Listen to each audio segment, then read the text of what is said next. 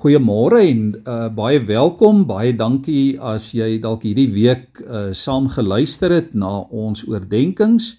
Jy is vanoggend weer baie welkom. Daar in 1 Tessalonisense 5 vers 11 sê Paulus: Praat mekaar moed in en versterk mekaar dan met hierdie woorde. Die boodskap vertaling vertaal dit ook mooi. Praat mekaar moed in. Onthou Julle almal is nou broers en susters in die nuwe familie van die Here. Daarom moet julle vir mekaar omgee en mekaar se geloof sterk maak. Om mekaar moed in te praat is om mekaar in die geloof te versterk. En hierdie is nog iets wat ons vir mekaar behoort te doen. Dis nog 'n verantwoordelikheid wat ons as gelowiges teenoor mekaar het. Om mekaar moed in te praat, mekaar te bemoedig en aan te moedig en te motiveer. Ons moet soveel vir mekaar omgee dat ons mekaar die heeltyd sal moet inpraat om te volhard en sterk te staan in ons geloof ten spyte van omstandighede wat moontlik twyfel in ons harte kan laat wortel skiet.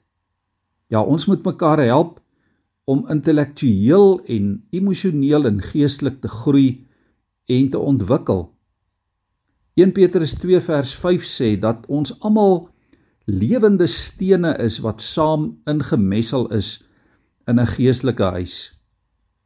Ja, liewe vriende, dit help ons nou nie dat jy 'n goeie baksteen is wat stewig ingemessel is nie. Maar die ander bakstene rondom jou is swak nie. Dan gaan die huis die een of ander tyd in mekaar val. En daarom doen moeite Doen moeite om dit wat jy het en dit wat jy weet en dit wat jy voel met ander mense rondom jou te deel. Om die positiewe in jou lewe maar ook die ervarings wat jy het met ander te deel. Elke gelowige, elkeen van ons het tog bepaalde lewenskennis en ervarings wat ons met ander gelowiges kan deel. Ja, ons moet ons geloof en ons verhoudinge met die Here gebruik om ander kinders van die Here positief te beïnvloed en op te bou in hulle eie geloof. Die kennis en die ervaring wat jy het, is nie net vir jouself bedoel of vir jou eie gebruik nie. Dat jy kennis en ervaring het, is in elk geval net uit die Here se genade. Dis soos daardie bekende lied sê, wat ek is, is net genade en wat ek het is net geleen. Maar daarom kan ons as kinders van die Here dit wat ons is en dit wat ons het met ander deel. Ons kan dit ook vrylik aan ander uitgee, uitleen en oordra.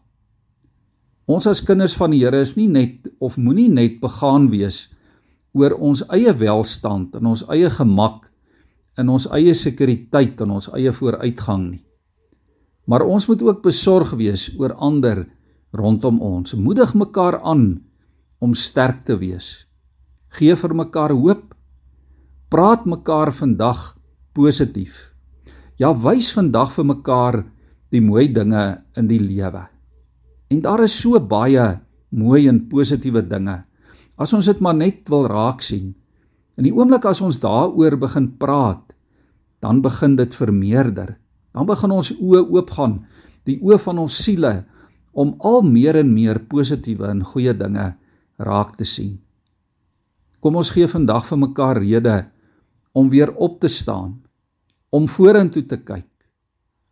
Kain in die Bybel het gevra: "Moet ek dan my broer oppas? Moet ek my broer se oppasser wees?" Die antwoord vir môre is eenvoudig ja. Ja, natuurlik. Ons kan nie anders as om mekaar se oppassers te wees nie. Ons kan nie anders om mekaar as broers en susters te versorg en op te pas nie. Dit is God se opdrag aan ons. Ons moet uitkyk vir mekaar. Ons moet mekaar bemoedig, mekaar aanmoedig. Ons moet sorg dat die ander een sterk bly en sterk staan en getrou bly vashou aan die Here.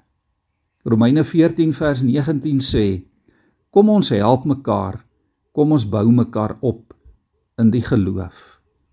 Ons bid saam. Hemelse Vader, dankie dat ons hierdie week kon hoor dat ons vir mekaar verantwoordelik is. Dankie Here dat U vanmôre vir ons kom aanmoedig om mekaar op te bou, om na mekaar te kyk, om mekaar aan te moedig, om mekaar te bly motiveer, sodat ons positief, Here, die geleenthede en die uitdagings van die lewe kan aangryp. Here, help ons om mekaar te help. Dit is ons gebed vir môre in die naam van hom wat gekom het as ons grootste hulp ter wille van ons Jesus die Here. Amen.